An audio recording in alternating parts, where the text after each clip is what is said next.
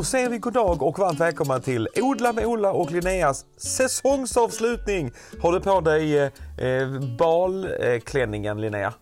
Eh, ja, jag har inte tagit av mig den. Du har inte tagit av den sen, sen säsongspremiären i maj? Precis. I mars, i mars. Den är lite sliten i nedre kant nu men eh, jag tyckte att det var läge att ha, ha den på oh. fram tills vi avslutar. Det ska vi göra. Idag ska vi prata om vad man kan göra i trädgården eh, under vintern och vad man bör göra och förberedelser där. Och vi ska också prata om hösturnor. Men först, idag blev vi ju myndiga. Vi spelar in eh, avsnitt nummer 18. eh, vad minns du själv eh, om ditt trädgårdsintresse när du var 18 eh, Linnea? Um, alltså jag var ju bara, mitt liv handlar om teater och musik då så att um, jag hade liksom tappat det lite. När jag var liten tyckte jag jättemycket om att odla och så men när jag var 18 så var det bara teater. Du då?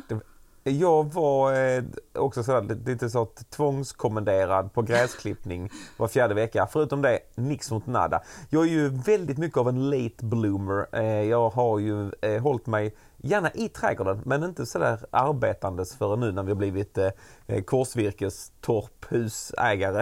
Eh, men nu har jag blivit, alltså det är som en, det känns ju som att, där, för mig var det en, ett högt steg in. Men sen när man väl blev en del eh, av eh, trädgårdsvärlden så är det ju väldigt roligt. Mm. Lätt beroendeframkallande. Vi, vi ber alla att eh, sluta lyssna direkt om du inte har mycket tid. Alltså det blir ju en stor del av ens liv faktiskt om man blir hooked. Ja, eller hur? Mm. Det blir roligt att hålla på och fixa. Mm. Oh, vad gud. Det, måste vara bra för det mänskliga psyket att se de här tydliga resultaten. Det känns som att det klingar an eh, djupt i mig i alla fall. Man börjar och sen kör man. Men mm. du, eh, hur har din trädgårdsvecka varit Linnea? Den har varit, den har ju varit väldigt, väldigt regnig. Ja. Eh, och eh, nu börjar det bli fint väder igen men lite kyligare och det är ju som sagt väldigt väldigt skönt när vi går in i de kallare månaderna så att man kan återhämta sig och slappna ja. av. Men det finns fortfarande lite till man kan pressa ut ur trädgården. Så eh, ja, men jag känner mig ändå ganska nöjd med eh, veckan som har varit i trädgården. Har du varit ja. ute någonting? Ja men vi har, alltså det har ju varit storm och så, så det har ju varit inte så jättemycket. Men vi fixade lite så ljung i någon kruka på framsidan och sen har jag och barnen satt upp eh, två stycken fågelholkar mm. i trädgården.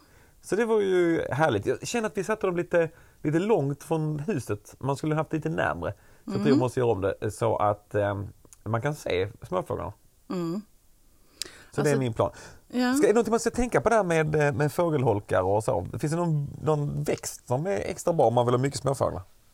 Ja, alltså buskar överhuvudtaget är väldigt bra eh, om man vill ha mycket småfåglar i trädgården därför att de erbjuder ju lite skydd för fåglarna så att de vågar komma närmre. De kan hoppa upp i dem när katterna försöker sätta tänderna i dem. Och sen finns det ju mycket buskar som har bär på hösten och vintern som fåglarna kan äta. Så att vill man locka till sig småfåglar Ja, oftast får man ju, om man matar småfåglar så får man ju också stora fåglar som mm. råkor och korpar, kanske inte jättemycket korpar, men råkor och kråkor och skator är ju också sådana som kommer så fort du sätter ut en talgboll så har du dem där. Ja. Men eh, så att det man kan göra mer naturligt om man inte vill lägga massa pengar på och, eh, frön och så. Det är ju eh, olika typer av bärbuskar och prydnadsbuskar som har eh, fina bär som fåglarna gillar. Och då, Smäll, eh, funkar smällbär? Nej, jag tror inte jag tror faktiskt inte de äter det, men eh, berberisbär är till exempel eh, jättegott. Det äter man ju i det persiska köket. Använder man ju berberisbär väldigt mycket, små röda bär. Mm. Våra fasaner i Slottsträdgården älskar berberisbär. Okay. Det är ju en taggig, oftast en taggig eh, buske eller häckplanta. Det finns ju olika varianter. Men de erbjuder små röda glansiga bär som är perfekt för fåglar. Och sen så har du eh, olika, eh, ja men till exempel bärhäggmispel och det finns ju även taxus de här um, idegran. De Okej. har ju bär och det är ju det man brukar säga att det är giftigt att man, att man inte ska, barn ska inte äta det. Eller Ja. ingen ska väl äta det. Men fåglar kan ju äta det eftersom de eh, äter liksom bara det köttiga på bäret och eh, den giftiga kärnan den åker ut helt genom deras tarmsystem. Så därför klarar de av att äta eh, sådana bär. Men eh, jag kan eh, lägga upp en liten lista på populära busksorter för Ja. småfåglar.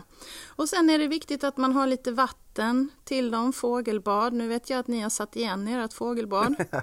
Det var dumt, den läckte vill jag bara säga. ah, ja. Det- Vi fyllde Mm. på den så rakt ner och då kände vi blev det smultron, eh, smultronbuskage istället. Ja, men, men det är ändå bra att ha vatten. Det, det fryser ju lätt nu när det börjar bli kallt, men att man kan fylla på lite vatten så att de har något att dricka.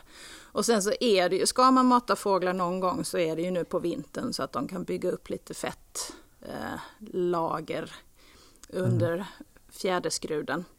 Eh, och småfåglar är ju väldigt trevligt att ha i trädgården och de hjälper ju också till med skadeinsekter och så, så att de käkar ju upp skadeinsekter på sommaren.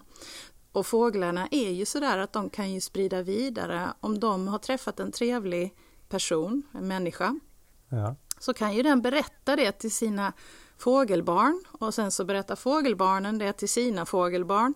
Och sen så, så att är du en härlig människa som eh, fåglarna tycker om så sprids det i generationer. Är det sant? Ja, de berättar för varann. Okej, han där, han är jävligt trevlig.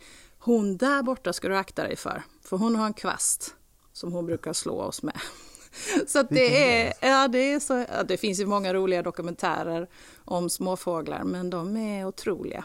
Så om man matar dem på vintern så kan man ju hoppas att de kommer tillbaka på sommaren och äter upp skadeinsekter. Om man satte upp en eh, holka nu i oktober, när kan man förvänta sig småfågelinflytt? Alltså, då, vissa småfåglar bor ju i holkarna även på vintern. Ehm, jag har några, som, några vad heter de nu, blåmesar som brukar bädda i, i holken på vintern. De brukar ta våra ankors eh, fjädrar som trillar av på marken. Så bäddar de och gör fint i holkarna med dem. Eh, men de, ehm, alltså det brukar väl bli små, små bebisar där i mars-april. Och sen trillar de ner när de ska öva sig på att flyga och så, så sitter mina katter under och bara fångar dem i munnen.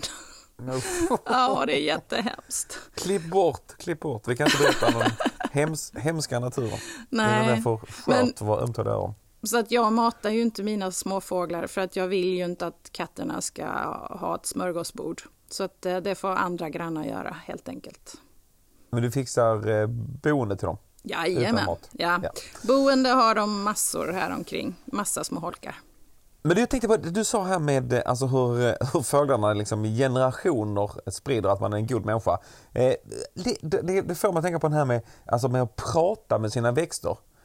Alltså, att man brukar säga att man, att man får koldioxid och att de mår bra. Jag läste på internetet om en, eh, en icke vetenskaplig studie, ett, antagligen för få eh, eh olika mm, empiriska studier för att kunna säga att den är vetenskaplig. Men då jämförde man ett tyst växthus med ett där man spelar in ljud hela tiden, musik och så. Och då växte det mer i växthuset där de spelade upp ljud. Mm. Och att det då skulle också kunna vara att man ska prata för, med sina växter för att då, eh, ja, eller spela upp, eh, sätta på en skiva. Att det får dem växa mer. Är detta någonting som vi kan, eh, kan dementera eller bekräfta Linnea? Ja, men jag tror faktiskt på det. Um... min man hade läst en studie eh, som var gjord av en musikprofessor, tror jag hon var, där hon testade olika typer av musik på växter. Och hårdrock tyckte de inte alls om. All musik som hade någon form av så här som var aggressiv musik tyckte de inte alls om medan de tyckte jättemycket om så här indisk musik och klassisk musik och sådär. Eh, så det verkar ha att göra med vad för budskap, alltså vad tonerna symboliserar. Är det aggressiv musik på något? Jag tror inte de kan te- texterna och sådär. Texterna Men, ja. men man kan ju ändå skapa aggressiv musik utan texterna. Ehm, det, det verkar de inte alls vilja växa till. Men jag tror detta bara är början. Ja, vi kommer ju lära oss, vi vet ju jättemycket om hur träd fungerar nu, att de talar med varandra. Att, att deras rötter har liksom ett, ett, ett system under jorden där de kan signalera till varandra, nu är jag skadad, se upp, det, det är någonting som kommer här som skadar träden, gör dig stark. Och, alltså det finns så mycket vi inte vet om växterna som människor har börjat forska på nu. Så att um, det är, jag tror absolut på det alltså. Men alltså hur, hur i helskotta kan växterna, växterna växa mindre till hårdrock och mer till, till exempel tänker man ju sig Hush Forever som har gjort vår mm. eh, vignett, borde ju vara kärleksfull ja. musik. Ja men det tror jag verkligen. Jag menar man använder ju eh, Metallica på Guantanamo ja, precis, för att tortera fångarna där eh, och få dem att prata. Och det är ju inte, det är ju ganska aggressiv musik. Eh, så att det har ju en inverkan på eh, människor och djur och mm. organismer och individer som vi kanske inte vet tillräckligt om. Um... Jag älskar att vi inte vet någonting om och att det finns lite mm, gott gott och. Jag tänker ju, spontant tänker jag på Fredde på skivhörnan, alltså mannen för denna legendariska Östersunds eh, skivbutik med Mogge och company. Han borde ju göra en stilstudie i sin trädgård mm. med olika typer av beats och så får han då jämföra hur det går för mm. liljekonvaljen eh, i jämförelse med det. Men det kan vi ju ta till eh, säsongsavslutningen eh, innan sommaren nästa år. Så kan ju han ha gjort några exempel som han kan spela upp och ta bilder och, och göra lite filmer och sådär. Det tycker jag låter bra. Verkligen. Vi fick faktiskt en fråga Eh, kan man få se lite bilder från Fredde på skivhörnans mm. trädgård? Ja. Det kanske, det kanske, han kanske kommer bli nya Mandelmans. Ja. Eh, både, både disco, eh, växtdisco och eh, guidade turer eh, vid eh, Värmdö. Det blir spännande att se. Nu ska vi prata om hösturnor. Vad är detta Linnea? Ja, alltså du nämnde ju där att ni hade planterat lite ljung i ja. era urnor mm. på framsidan och eh, det är ju egentligen bara det. Det är att man planterar i eh, krukor så att man får det fint till hösten och vintern. Eh, det går ju väldigt snabbt från höst till vinter så det man ska tänka på är att man kan inte ha för eh, vad ska man säga, sköra växter eller icke-härdiga växter i en höstkruka för att de kommer ju bara smälta ihop och dö om det blir jätte, jättekallt. Om man inte vill göra två typer av planteringar, att man gör en höst och sen en vinterplantering. Mm. Men det man kan tänka på är att man har ny fin jord och lite, lite gödning i jorden. Absolut, det kommer ju inte växa jättemycket nu eftersom det blir mörkare och kallare. Men det skadar inte att ha eh, lite fräschare jord. Och sen att man täcker hela, det ska inte vara en massa, massa tom jordyta utan tryck ner många växter i krukan. Tänk på färger, former, hur eh, den, den, första frosten kommer lägga sig på de här växterna. Det finns ju vissa städsegröna växter, alltså växter som är gröna året runt, som ja. inte tappar sina blad. Eh, satsa på sådana, för att då har du ju någonting grönt i krukan under hela vintern när allting annat är brunt och grått.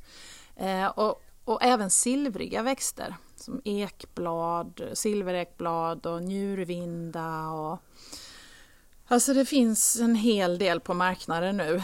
Um, och jag tycker att det är rätt så bra. Alltså det blir ju lite så slit och slängväxter som kanske ja. inte är, det är kanske inte det mest hållbara sådana här ljung som man köper till jul. Men samtidigt så de håller ju också fram till våren när det är dags att sätta annat.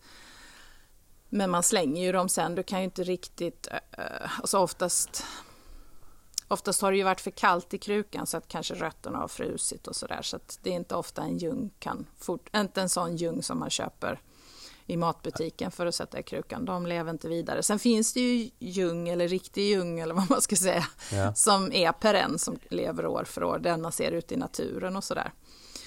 Um, och det kan ju vara så att man kanske vill satsa på en sån typ för att då kan man plantera ut den uh, senare i sin mm. trädgård. Så att man kan ju tänka lite så också att man kanske köper växter som eh, man inte behöver slänga sen utan du kan bara och det, sätta ut det i rabatterna. Och så kan man ju tänka med sommarblomskrukorna också att om man vill ha det mer hållbart att man köper något som man ändå hade tänkt sätta i rabatterna men att man först har det i krukan, njuter av det mm. och sen planterar om det.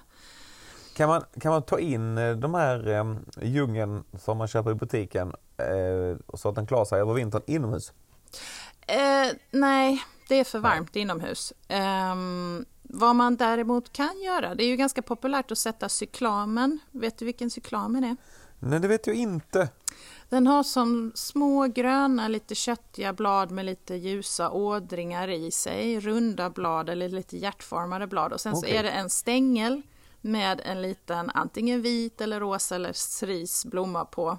De finns i butikerna nu överallt. De kan man ju ha inomhus. De dof, många av dem doftar också otroligt gott. Så vill man ha någonting eh, på köksbordet som inte är snittblommor, eh, giftiga snittblommor, så kan man ju ja. köpa en sån. Och den kan man ju sen när den har blommat över så kan man ju bara plantera den i trädgården. Sätt den gärna Snyggt. under ett träd då, eller under en buske för att den gillar att, att växa i, i lite så skir skugga. Eh, och i naturen hittar man dem gärna runt träd och buskar och sådär. Eh, men eh, ja, men det är nog det jag skulle vilja mm. säga. Och så att man tänk, tänker på att, inte, alltså att man har mycket dränering i krukan så att det inte blir superblöt och så frys, fryser ja, allting. Så spricker ja. det och mm. haveri. Men tänker, alltså, hugga tag i så julblommor som amaryllis och hyacint och så. Mm. Kan, antar att det är lite sent att odla det nu eller? Nej, alltså det finns ju de här hyacinterna man brukar köpa som man sätter i små jul mm. dekorationer och sånt. De är ju redan fram vad heter det, fram, inte framtvingade. Fram, Framplockade. Framstressade. Uppodlade. Framstressade. framstressade. Men man kan ju göra det själv eh, genom att köpa, då är det en annan, alltså då köper man liksom själva löken och sen så ska den stå i eh, rumstemperatur, eller lite svalt sådär, i lite vatten med som en liten stjärngossestrut på sig för att den vill stå i mörker. Och då tar det ungefär 10 veckor tills blasten har kommit upp och sen så, så att man kan liksom driva på eh, hyacintlökar själv så att man inte behöver köpa de här som är i butiken. Sen är det ju väldigt enkelt att köpa de här i butiken. Jag tror många som gör det här med att, att driva upp dem själv, jag tror det kan vara en sån sak, alltså det är en väldigt fin tradition som har funnits länge i Sverige. Eh, man kanske har ärvt det från sin mormor eller farmor eller farfar eller någonting sånt. Så jag tror det handlar mycket om det här mysiga, att, att gå mm. i väntans tider och se vad som händer och så.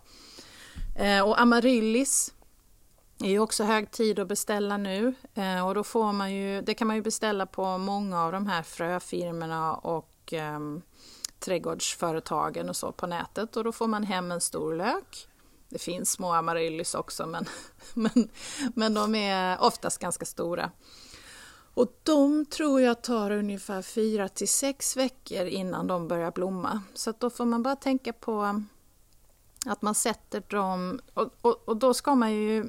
Många amaryllis kan man plantera i en kruka med jord. Eh, och sen brukar jag bara ställa det i fönstret och så vattnar jag lite då och då. Eh, vad som kan vara en fördel är att man innan man planterar dem så sätter man dem i ett glas så att själva löken är uppe på kanten men rötterna når ner till vattnet. Och då kan de suga upp vatten i förberedelse innan du planterar dem. Men många amaryllis kan du också bara hänga. Du gör som en liten... Ehm, du klär löken med massa mossa och ståltråd så det blir som en mossboll. Mm. Och sen så hänger du ett vackert snöre runt och sen kan du hänga det i taket eller ja, var som helst. Så hänger den där och sen börjar det komma ut en stängel och en blomma. Och, för den har allting i sin lök. Mm. Um, så att då hänger den där och blomman söker ju sig alltid uppåt. Så då får du, kan du få en ganska rolig form på den här växten. Det låter som årets julpynt. Precis. Nej, men det, jag brukar hänga sådana i fönstret. Eh, vilken växt var det? Vilken amaryllis. Var det man göra? Amaryllis. amaryllis. Ja. Hängande amaryllis, Ja. here we go. Och det brukar jag göra med hyacinter också. Inte hänga dem men klä själva sådana jag köper på som redan är framodlade. De brukar jag bara klä med massa mossa, en stor mossboll och sen så kan man ställa dem eh, på bordet eller liksom ha som olika dekorationer och så istället för att ha i kruka eller i ett glas med vatten eller sån här liten ja, hyacintvas. Um, mm, det finns ju också såna här um, iskonvaljer som är liljekonvaljer som man har, det är ju egentligen en vår, sen vårblomma. Men den, det finns också en tradition i Sverige att man, eh, man liksom lurar den att komma igång, att blomma Okej. till jul. Och det gör man med hjälp av is på olika sätt och sådär. Men det finns också att köpa um, iskonvaljer. Iskonvaljer. Finns det någon annan blomma? Man känner ju till amaryllis, hyacinterna, lite jultulpaner och nu, till, nu också iskonvaljen. Finns det någon annan eh, upcoming julblomma om man vill vara först med det senaste som man ska passa på att köpa in? Alltså jag har börjat se ganska mycket julstjärnor. Du vet den här röda. Ja. Eh, Den har ju börjat komma i andra färger, lite aprikos och lite så här svagt orange och så, som folk har eh, börjat köpa in nu till halloween och så. Så att det kanske är någonting som kommer bli stort eh, i framtiden, att man har julstjärnor under en längre tid än bara julen.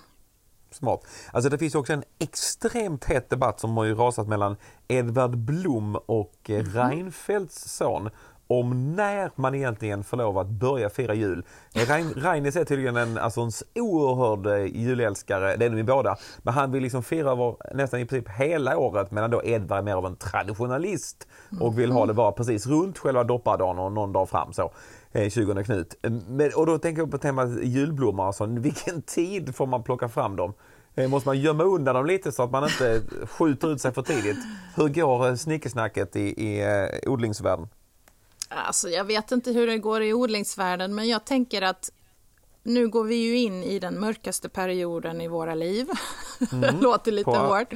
Ja. Eh, Det är brunt och det är grått och det är mörkt. Och då behöver vi ju färg och kanske dofter och sådär för att få oss att orka sista biten. Eh, och då tänker jag att det är väl bara trevligt om man ehm, börjar lite tid. Jag skulle säga kanske hyacinter och, och amaryllis och sånt skulle jag säga att det är fritt fram från första december och framåt. Då är det bara att köra. Nu när Ja. vi lärt oss att, att växter eh, inte gillar hårdrock, eh, då undrar jag, alltså finns det någon riktigt sjuk växt som helt otippat blommar utomhus på vintern? Ja, du har ju julrosor. Är, är de, alltså det, blommar de vintertid? Alltså, de flesta blommar ju tidigt på våren, men du har ju sådana som blommar också under vintern. Ehm, vad finns det mer? Det finns ju mycket prydnadsbuskar som blommar under vintern. Du har ju um, hybridkejsarolvon som blommar med rosa små blommor och doftar otroligt gott från december till eh, mars. Är det? Det är en trevlig buske. Det är det man ska bli. Man ska, man ska vara den som har den finaste trädgården runt jul. Man skippar sommarmånaderna helt och så bara fokuserar man på vinterträdgården. Ja, och då ska man ju tänka på att ha mycket städsegrönt, alltså växter som är gröna året runt, för att då, då kan du ju bygga upp en sån trädgård. Och här Ehm, snackar vi. Men eh, mer nu, nej, jag vet faktiskt inte mer än vissa buskar som blommar nu. Nej, jag kommer inte på något just nu. Ja, men där fick vi ändå några bra, eh, bra tips här för dig som vill dominera fullständigt vintertid.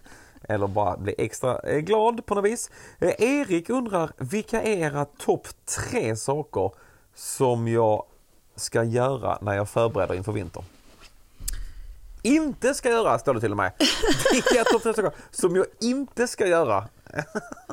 Oj, för att förbereda inför vintern som man inte ska göra. Ja, det är väl kanske gödsla då? Eller. Ja, precis. Se, du... Åh, jag blir så stolt, Ola. Du kan det här nu. Eller hur? Ja. Kanske inte behöver bli en andra säsong. Nej precis, vi är full, fullärda redan Ja. i... Nej, det känns inte riktigt som det. Nej, jag, ja, jag vet inte. Um, jag vill ju hellre säga det man Eller hur? ska Ja, vi, göra. Exakt, vi tar bort, vi tar bort eh, inte och så undrar vi. Tre grejer här till Erik. Vad ska man göra eh, förbereda inför vintern? Ja, eh, en bra sak som jag tycker är riktig vintergöra det är ju att eh, när man har bäddat in trädgården och vet att man inte ska ut i den igen, alltså man har Mm. planterat sina vitlökar och man har planterat sina tulpaner, de sista tulpanerna, och man har räfsat upp de sista löven så man kan göra sin lövkompost. Så eh, då tycker jag det är dags att eh, börja ordna sina redskap. Mm. Alltså att man tvättar av dem, har de trähandtag så oljar man in dem med linolja, kokt linolja. Och, och, och då behöver man ju kanske ha dem i ett frostfritt eh, rum medan oljan torkar, bara så att den torkar in, annars tar det väldigt, väldigt lång tid om de ska torka utomhus i kylan. Eh, och sen så är det ett väldigt bra tips är att slipa sina redskap. Och då tänker jag inte bara på sekatören och, och häcksaxen och sådär, utan att man slipar sina spadar. Både handspaden och den stora grävspaden. För har du en slipad kant på din grävspade så ehm, ja, då är du ostoppbar. Då kan du ju gräva hur mycket som helst. Så jag brukar säga att en spade behöver nog ändå slipas beroende på hur mycket du gräver, men, ja, men två gånger per säsong i alla fall. Och då räcker det ju... Eller? Ja. Jag skulle tänkt på det innan vi grävde ur de här 110 tonnen i huset med de gamla spadarna. Exakt. Yeah, yeah, yeah. Yeah. Men nu vet du det i alla fall. Ja. Ehm, så att olja in och slipa. Och sen så är det ju hög tid att när du har klippt över eh, de sista bladen med din gräsklippare. Hur har det Mm. gått med gräsklippare? Har du fått tag på någon? Eh, nej, nu jobbar vi kollektivt. Nu Ja. lånar jag Ottos gräsklippare och sen så eh, tankar jag upp den så den är fit for fight när jag lämnar tillbaka den. Ja. Och han har en så himla bra gräsklippare som, som just eh, fördelar löv och så. Så det är en Mm. slags självgödningssystem. Så jag är extremt avundsjuk på hans eh, gräsklippare. Eh, den är ju då av bensin, inte av el som du rekommenderade. Men det funkar fint. Men undrar också, behövs det verkligen en gräsklippare i varje hus? Nej. Egentligen borde man ju kanske kunna dela lite både på den och trimmern och Studsmattan, precis. Där, oh, där har ju Petronella börjat flagga för en större studsmatta. Nej, don't aj, do aj. it! Don't do it! Nu ryker vi, nu ryker det. Nu ryker. det. Allt är kört. Ja. Nej men eh, faktiskt, jag menar även om det är bensin så är det ju betydligt bättre än att du går och köper en nytillverkad Precis. gräsklippare, att ni kan dela på den här och kan Ja. ni ha, man kan ju göra någon form av deal att om den går sönder under tiden jag använder den så får jag stå för reparationen och jada jada. Alltså bara så Ja. att det känns okej för alla inblandade. Men att Ja, men dela precis. verktyg är jätte, jättebra och det är bra för miljön. Och bra för grannsämjan och allting. Ja. Förutom det då går sönder. Det blir en juridisk tvist som blir trubbel. Nej men det var Ja. bra tips med att slipa spaden också. Det har inte jag tänkt Ja. på. Nej, men så lämna in gräsklipparen, lämna in häckasaxen om du har en sån här ehm, ja, med massa tänder som är svårt att slipa själv. Eh, Lämna in sånt på vintern så att du är redo till våren eh, när det är dags. Jag lämnar ju alltid in min gräsklippare typ två veckor efter att jag ska börja klippa gräset. Ja. Och då, det, alla andra lämnar ju in den då också, så då är det ju jättelång väntetid. Så att ut, ut med den på, på vinter, eller nu istället. Mm. Skicka in den till en eh, servicebutik eh, butik och få den fin. Och, och tänk på att eh, möss tycker det är väldigt gott med... Eh, vissa maskiner har ju en sån här liten pump, eller som en liten gummiknapp som man liksom Ja. pumpar på för att få eh, bensin i systemet. Och eh, eh, det tycker ju möss är väldigt gott att tugga på. Så att eh, det man kan göra är att man eh, täcker över sin gräsklippare lite. Kanske med en filt eller någonting som gör att eh, mössen inte hittar direkt till gummidelarna. All right. Mm. De är på hugget där alltså. Ja, men det är ju, det är ju ett jättestort problem i bilindustrin också för att alla, alla Ja, kablar och sånt har ju bytts ut till ett um, naturlig gummi istället för plast och sådär. Och det älskar ju mössen.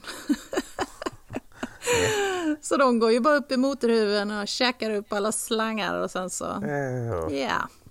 Tack för den. Mm. Eh, Nej, men finns det, någon, men, finns det ja. några, några övningar man ska, nu har vi snackat om att man ska slipa upp sitt, eh, sin arsenal. Finns det några Mm. fysiska övningar som, eh, som man kan köra på så att man blir en ostoppbar maskin när väl våren är? Ja, men jag skulle säga träna rygg och mage. För har du en stark rygg och en stark mage så kommer du skada dig mycket mindre i trädgården och Ja. orka mycket mer. Rygg och mage. Det här kommer Mm. också in lite grann i Svens fråga. Han undrar hur han ska få sin sambo bli mer intresserad av att fixa i vår eh, lilla trädgård.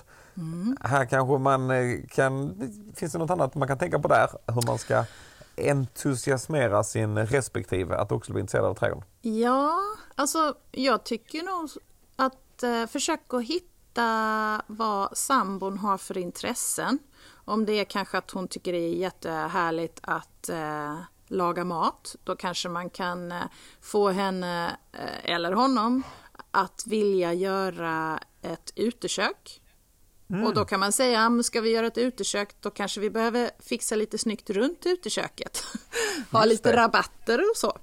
Ehm, så att eh, jag tror det är att, och det gäller ju med barn också, att man liksom hittar det personen tycker är roligt utanför trädgårdssysslorna. Ja. Och lura in dem sakta men säkert in i trädgårdssysslorna genom att locka med någonting de tycker är kul. Det kan ju vara, någon kanske älskar att göra eh, hemmagjorda teer och sånt och då kan man bygga en kryddspiral. Och, ja, alltså det finns ehm, mycket. Det är kanske någon som älskar att sola. Och då vill man ju ha en snyggt ställe att sola på, en liten terrass med lite blommor. Och... Vilka, vilka växter reflekterar solljus bäst? Vilken blir naturens egen aluminiumfoliesolslage? Precis, kanske något silver, silverblad. Silverblad. Lammöra. Lammöra är då, rekommenderas varmt. Eller kanske en liten, eh, då, en liten damm som det reflekterar fint upp i ansiktet så man Precis. blir gyllenbrun om man nu vill bli det. Ett annat tips att bli, få folk taggade är ju eh, delaktighet. Mm. Att man inte går fram som en, eh, Ja, som en, en diktator utan att alla får vara med och tycka till. Då blir det också roligare att vara med. Ja, men också att eh, man, om det är någon som gillar att träna mycket till exempel, alltså trädgårdsarbete, om man gör det ergonomiskt rätt och att man fördelar, ehm, att man liksom arbetar med hela kroppen. Räfsar du så räfsar du både med höger och med vänster, att du byter sida hela tiden. Och det är jättebra, alltså du får väldigt fina muskler eh, om du gör det rätt. Så att, eh, det kan ju också vara någonting sånt att eh, om man klagar på åh jag bara sitter här och är så tjock och nu kommer julen. Och, Ja, då, då kan man säga så, ja men du ska vi inte ut och räfsa lite? Och det är alltid mycket roligare att jobba i trädgården tillsammans än själv. Mm. Och är man själv så rekommenderar vi ju varmt Odla Mola och Mm. Linnea som ditt lilla eh, audiella sällskap såklart. Mm. Jenny har ju tror jag med sitt, eller i alla fall en fråga om sitt citronträd som hon gärna vill ska överleva till nästa år. Då Mm. förstår man ju, måste eh, hon ta in det i vinter eller hur ska Jenny i Höllviken göra? Alltså det är ju ganska milt i Höllviken men det är inte så milt så att citronträdet kan bo ute. Det skulle jag inte tro om att du har en väldigt, väldigt eh, skyddad innergård kanske. Eh, citronträd vill ha eh, på vintern en eh, maxtemperatur på mellan 10 och 7 grader. Så att ta in det inomhus är ingen bra idé för att då kommer den få massa sköldlöss och annat skit. Eh, Jaha. Så det bästa är att ställa det kanske i ett uppvärmt garage eller frostfritt garage.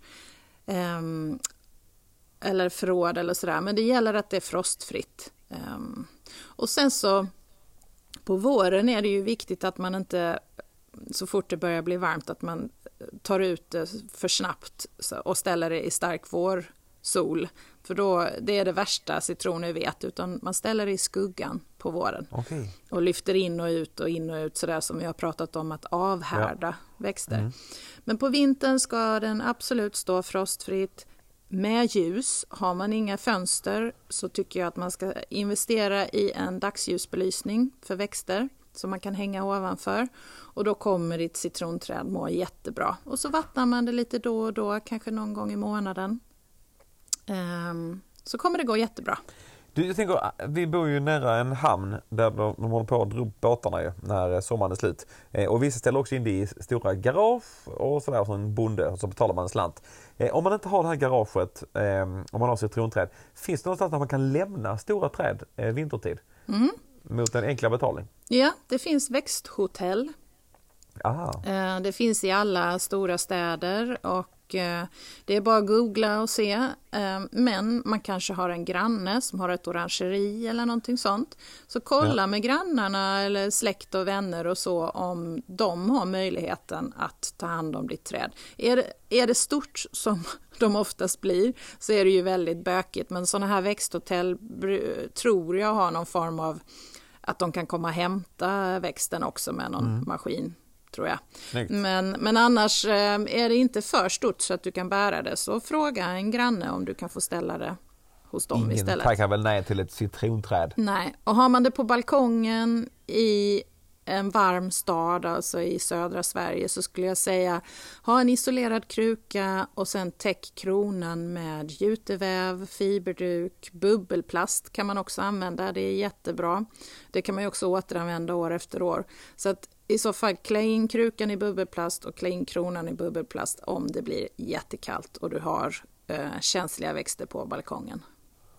Perfekt, ser också kul ut tänker jag juletid. Kan man lägga in en liten LED, LED-belysning där under bubbelplasten så blir man ju, vinner man tävlingen Årets balkong. Eh, Albin har odlat massa kål för första gången i år och undrar eh, hur länge klarar sig kålen i vinter? Måste jag skörda allt innan frosten? Um, kålhuven vill inte ha det kallt, så de måste du skörda. Och eh, även eh, alltså, svartkål, eller också kallad palmkål, den tål ganska kallt, men som hos oss så eh, blir den bara slime efter ett tag.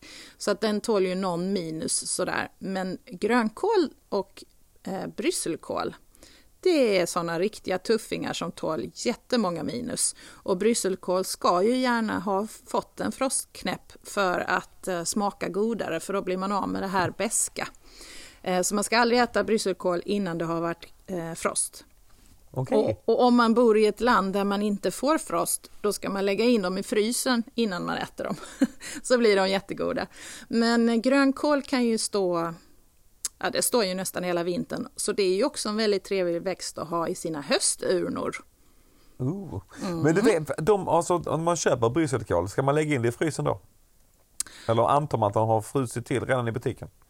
Um, alltså ofta så är de ju i säsong när det börjar bli kallt. Eh, jag tror...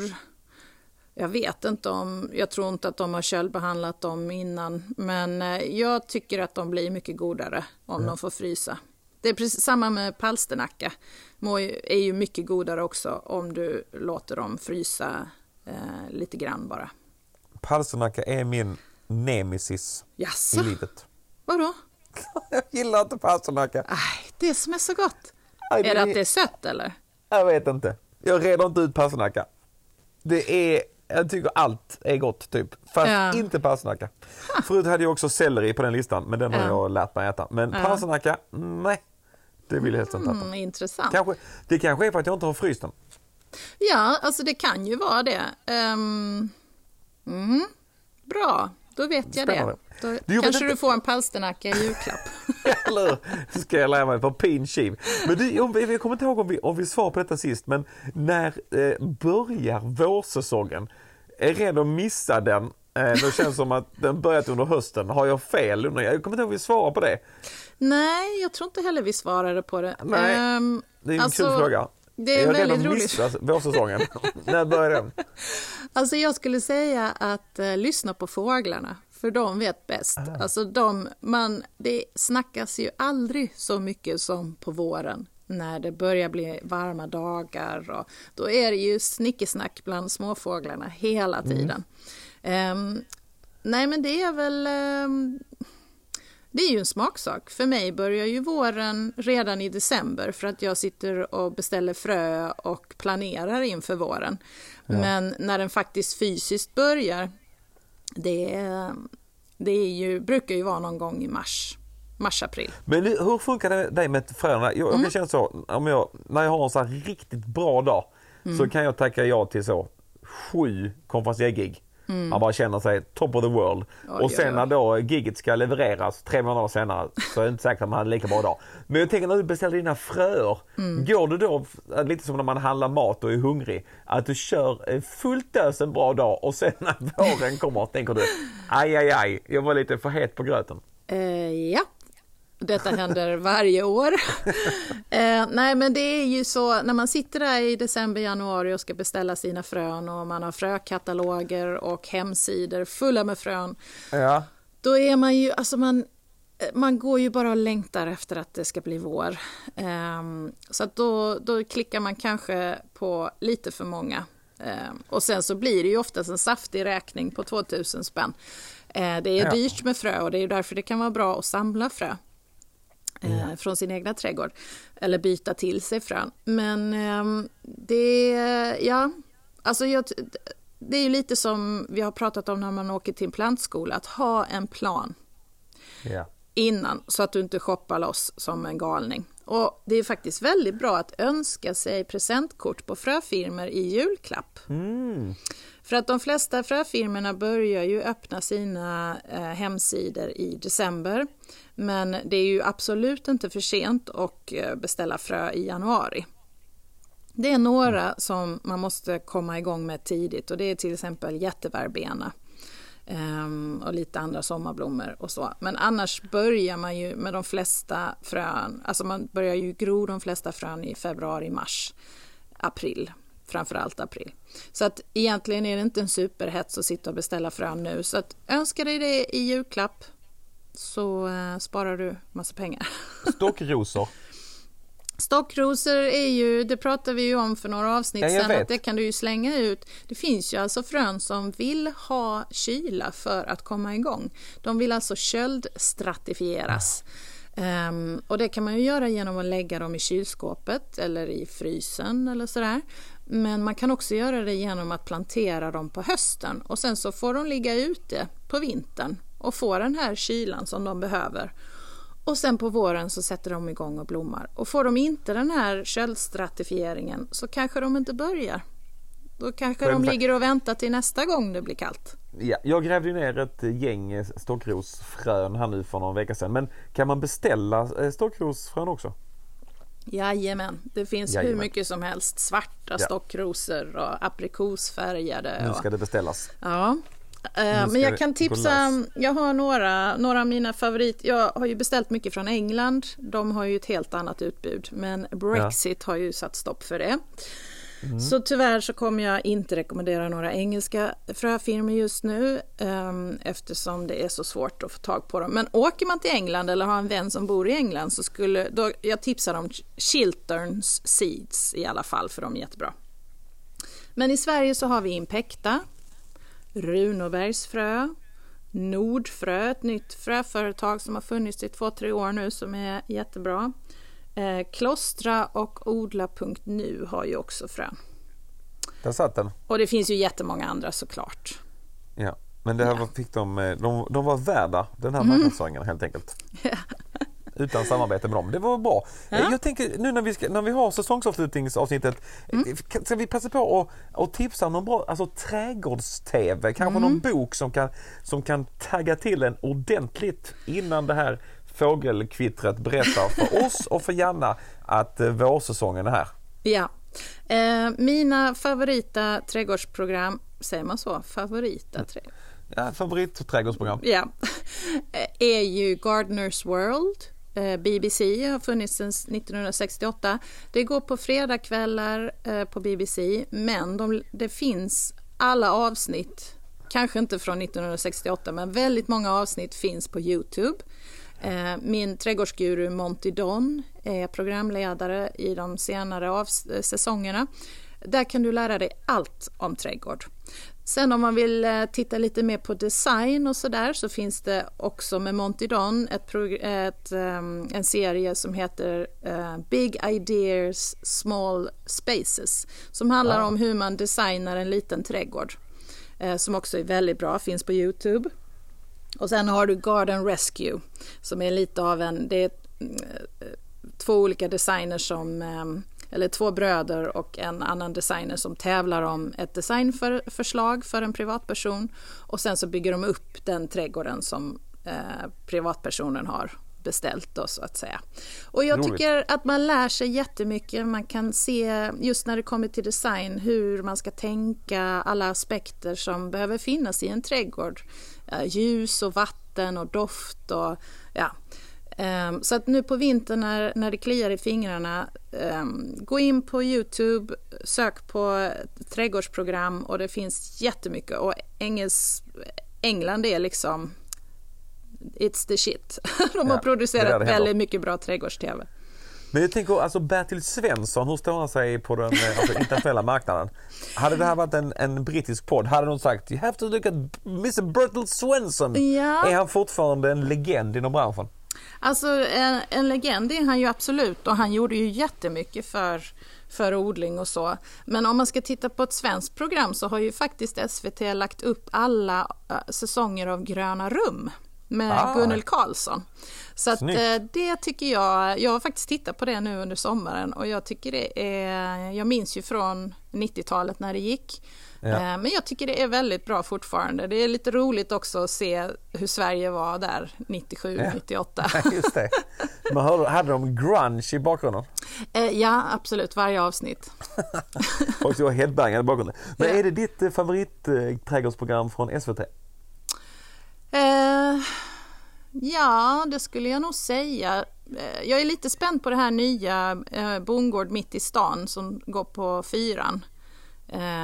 Inte jag, ja, jag tycker ju också, alltså Karl Fredrik är ju väldigt roligt och eh, även Mandelmans Ja. eh, tycker jag är kul. Men och Danmark har ju lite också eh, trädgårdsprogram. Men, Bondebröderna. eh, Ja, ja men hon, alltså, det har jag ju sett alla avsnitt men det är ju mer det är ju- självhushållning och sådär. Ja just det. Ja, det är kul. Mm. Men har vi någon bok också vi kan kasta in? Ja, ja, alltså om man vill odla grönsaker. Jag har ju rekommenderat min bibel. Eh, den har ju varit med i eh, podden förut. Men det kom, i år har det ju kommit en ny ehm, Dra bibeln igen. Dra bibeln igen. ut- Ah, vad heter den? Den är i andra rummet. Jag, jag får lägga upp. Men det är med Lena Israelsson. Det är Ja, världens bästa. Ja.